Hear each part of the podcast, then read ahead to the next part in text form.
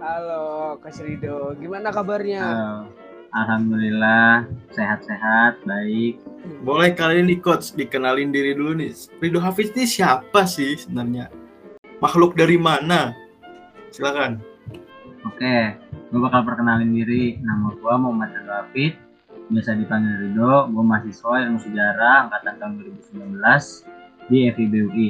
Selain menjadi mahasiswa ilmu sejarah, gue juga sekarang menjabat sebagai Ketua Sastra FI tahun 2021. Widih, pejabat sastra FC. Berarti suka futsal dong ya? Pasti itu mah. Widih, udah berapa lama nih menggeluti futsal gitu sebagai hobi? Mungkin lebih dari 15 tahun ya karena gue udah main-main bola, main futsal tuh dari gue masih kecil. Dari gue masih kira-kira mungkin dari balita lah ya gue udah senang-senang main bola walaupun sekedar main-main biasa kayak main pakai bola plastik atau gue juga dulu ke mana-mana kalau mau main selalu bawa bola sendiri itu saking sukanya gue main bola Halo, selamat pagi, siang, sore, ataupun malam. Kembali lagi bersama kita di podcast Secara. Sejarah berbicara. Kembali lagi bersama host-host yang keren banget nih. Ada gue Teto dan, Dan gue- gue Dan gue Banu, mahasiswa paling uwu di sejarah UI. Buset, Kali ini kita bakal membahas apa ya kira-kira? Kita akan membahas tentang relevansi antara pekerjaan, hobi, dan kuliah nih Ted. Widih, menarik banget. Ngomong-ngomong kita udah punya narasumber satu ya. Betul. Gua denger-dengar nih, kayaknya dia jago banget nih soal olahraga nih. Wah, Badannya ini apa itu namanya? Ateis ya? Hmm, sampai ateis pokoknya. Panggilannya nih di sejarah UI panggilannya coach. Wih, sudah dipanggil coach nih. Langsung aja kali ya Ted ya, kita panggil narasumber kita nih. Langsung lah.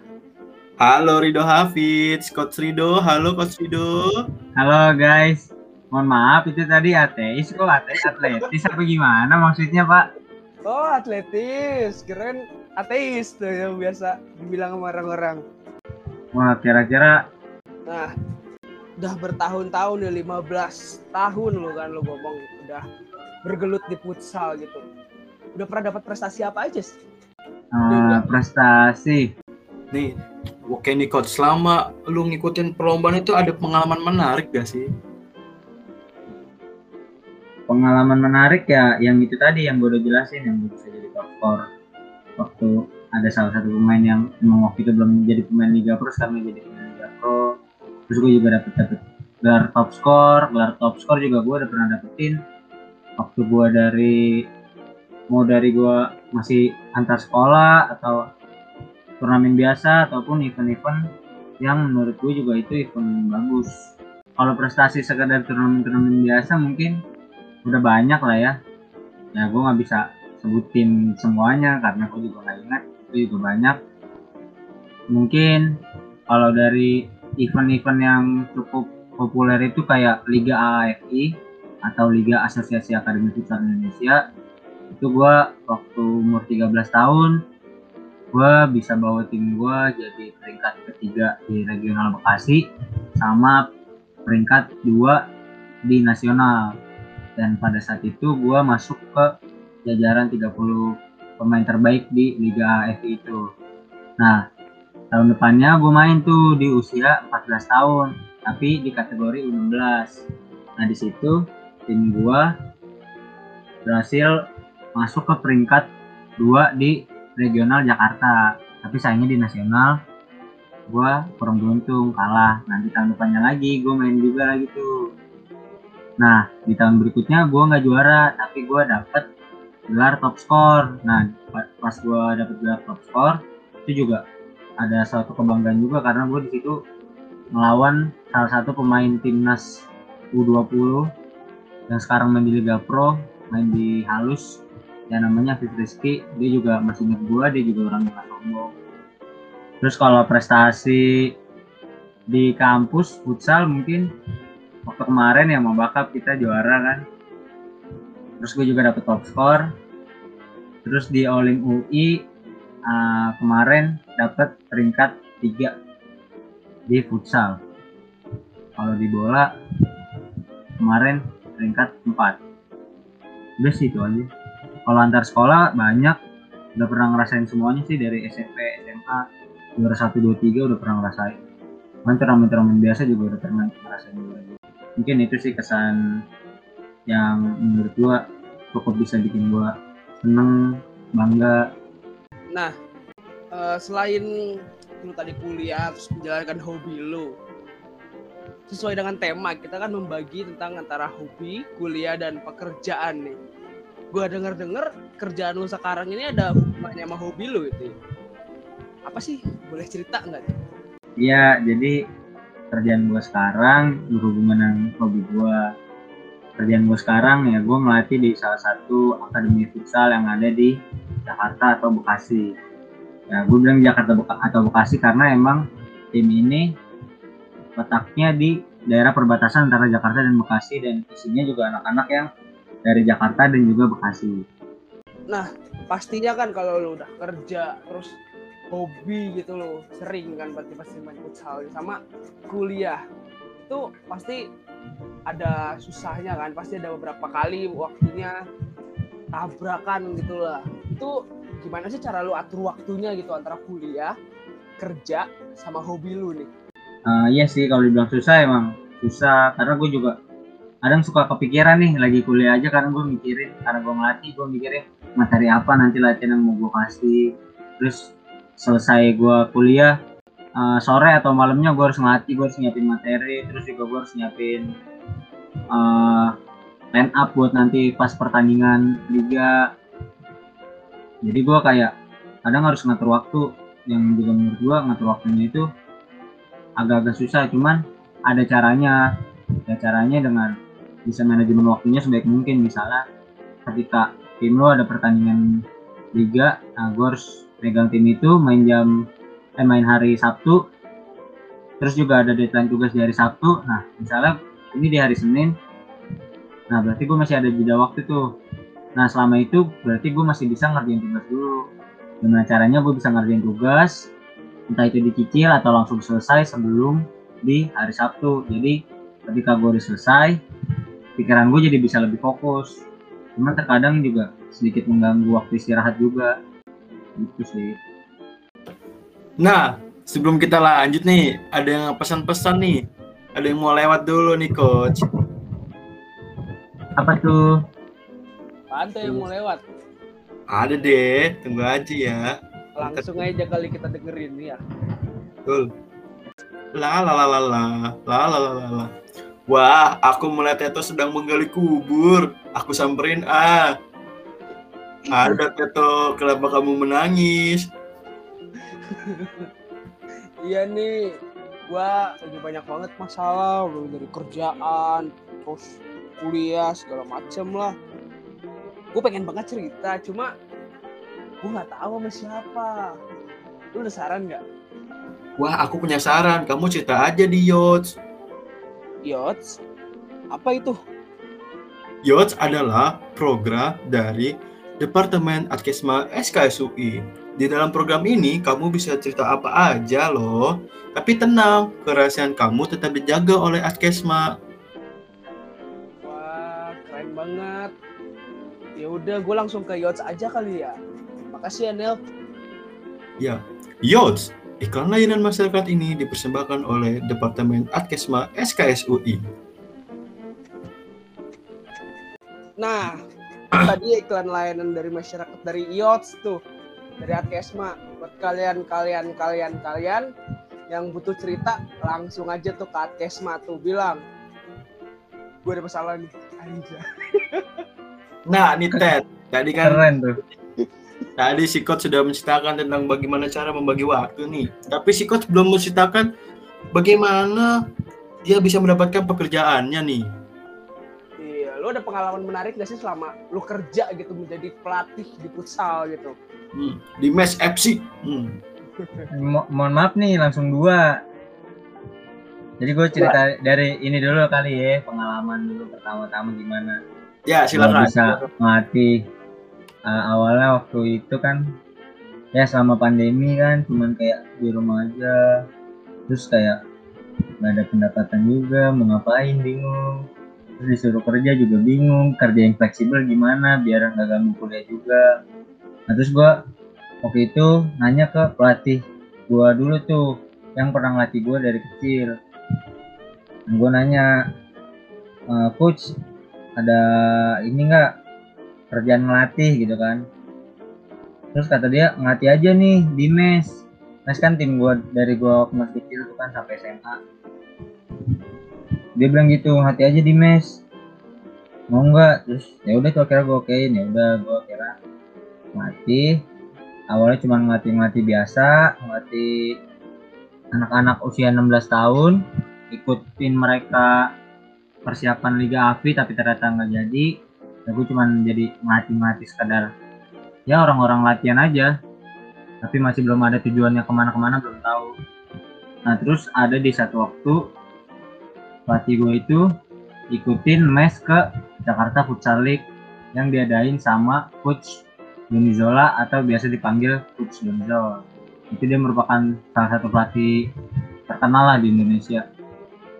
Nah itu juga prospeknya bagus tuh Jakarta Futsal League. Nah dari situ gue juga tertarik. Nah awalnya gue nggak nyangka tuh kalau gue bakal dijadiin pelatih kepala. Dan awalnya juga gue sempet ragu buat jadi pelatih kepala. Gue gitu nanya e, ini yang jadi pelatih kepala saya. Terus dia bilang iya Ridho aja yang jadi pelatih kepala. Tadinya gue nolak cuman karena emang berhubung gak ada lagi ya udah kira gue juga memberanikan diri buat jadi pelatih kepala.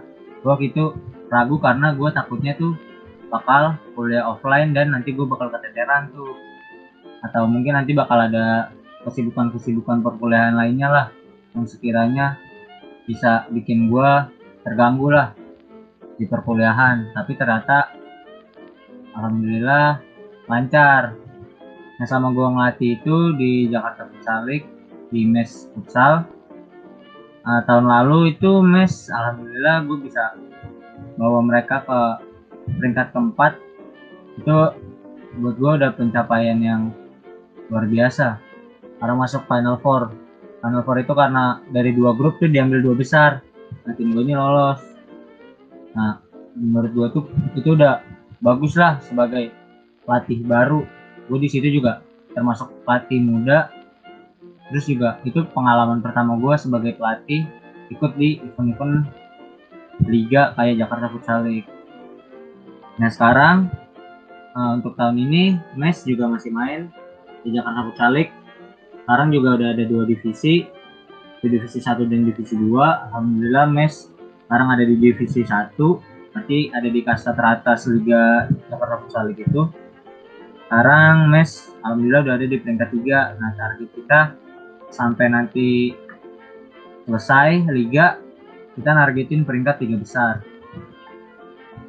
Mungkin itu aja sih cerita dari gua. Sebagai pelatih atau kerja inilah Nah, selama lu ngelatih nih, ada kejadian unik gak sih selama lu ngelatih bocah-bocah nih?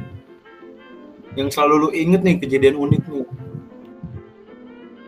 kejadian unik apa ya kejadian unik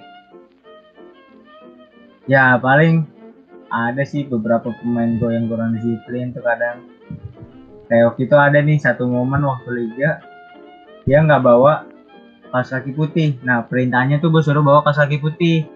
Nah dia nggak bawa kaos kaki putih. Rencana dia dia mau beli paginya pas sebelum pertandingan. Pas dia nyampe terus dia nanya ke gue bang kok tokonya tutup bang? Terus gua gua omelin tuh lalu gimana? Udah tahu mau persiapan bukan disiapin? Malah lu ngandelin yang ada di sini sekarang tokonya tutup lu gimana? Terus akhirnya dia bingung akhirnya dia nggak main alhamdulillah tapi gue menang.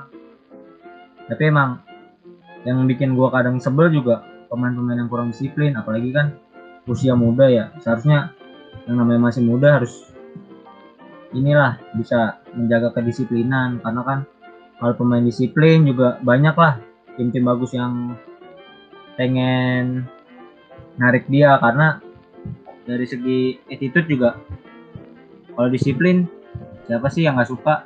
Pelatih. Pasti kan pelatih suka pemain-pemain yang mau kerja keras juga punya attitude yang bagus. Gak cuma sekedar so jago. Apalagi sekarang banyak anak muda yang cepat puas yang anggap mereka itu udah di atas. Padahal masih under under itu masih belum ada apa-apanya. Buat masuk ke Liga Pro ataupun timnas aja juga masih jauh lah. Banyak orang yang udah besar kepala anak-anak zaman sekarang kalau menurut gua. Nah di sini gue juga sebagai pelatih pengen lah ngarahin mereka biar mereka bisa lebih disiplin lagi. Kadang kalau yang telat gue suruh ngerol mereka nggak datang latihan gue suruh ngerol ya jadi mereka juga ada efek jerah juga. Kalau mereka merasa hebat mungkin mereka malah besok besoknya nggak mau latihan lagi karena hukumannya itu. Tapi kalau emang pemain hebat mau berkembang mau maju pasti dia bakal mikir. Kalau perbuatannya itu nggak bagus dan dia nggak bakal ngulangin kesalahan-kesalahan itu Nah, kita udah sampai di penghujung acara podcast kali ini nih. Tapi sebelum kita penutupan, lo ada pesan kesan nggak buat para pendengar kita nih di sini? Ya, ada pesan terakhir gak sih nih? Tadi kan lu sudah menceritakan tentang pengalaman lu, terus ke kerjaan lu juga. Gimana buat pesan nih buat para pendengar? Uh, pesannya mungkin buat gua ya kalian tetap semangat jaga kesehatan kalian juga. Apa pun yang kalian kerjakan hari ini kalian harus jalani dengan sepenuh hati. Kalian harus terima proses karena proses itu juga tidak akan mengkhianati hasil. Jadi walaupun sepahit apa pun proses yang kalian jalani sesuai apa pun proses yang kalian jalani kalian harus bisa nikmatin itu. Karena bagian dari proses itu bakalan membentuk kalian menjadi lebih baik ke depannya. Itu aja sih pesan dari gue. Tetap semangat. Oke, Satu pertanyaan terakhir nih. Apa harapan lo ke depannya? Uh, harapan gue kalau buat gue sendiri, ya gue berharap sih, uh, gue masih pengen jadi pemain ya tentunya.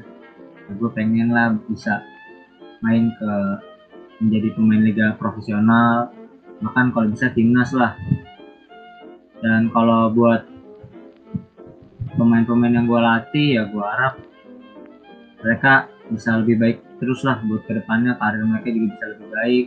Mereka bisa terjauh dari hal-hal yang bisa merusak karir mereka. Apalagi pemain-pemain usia muda tuh banyak banget godaannya juga.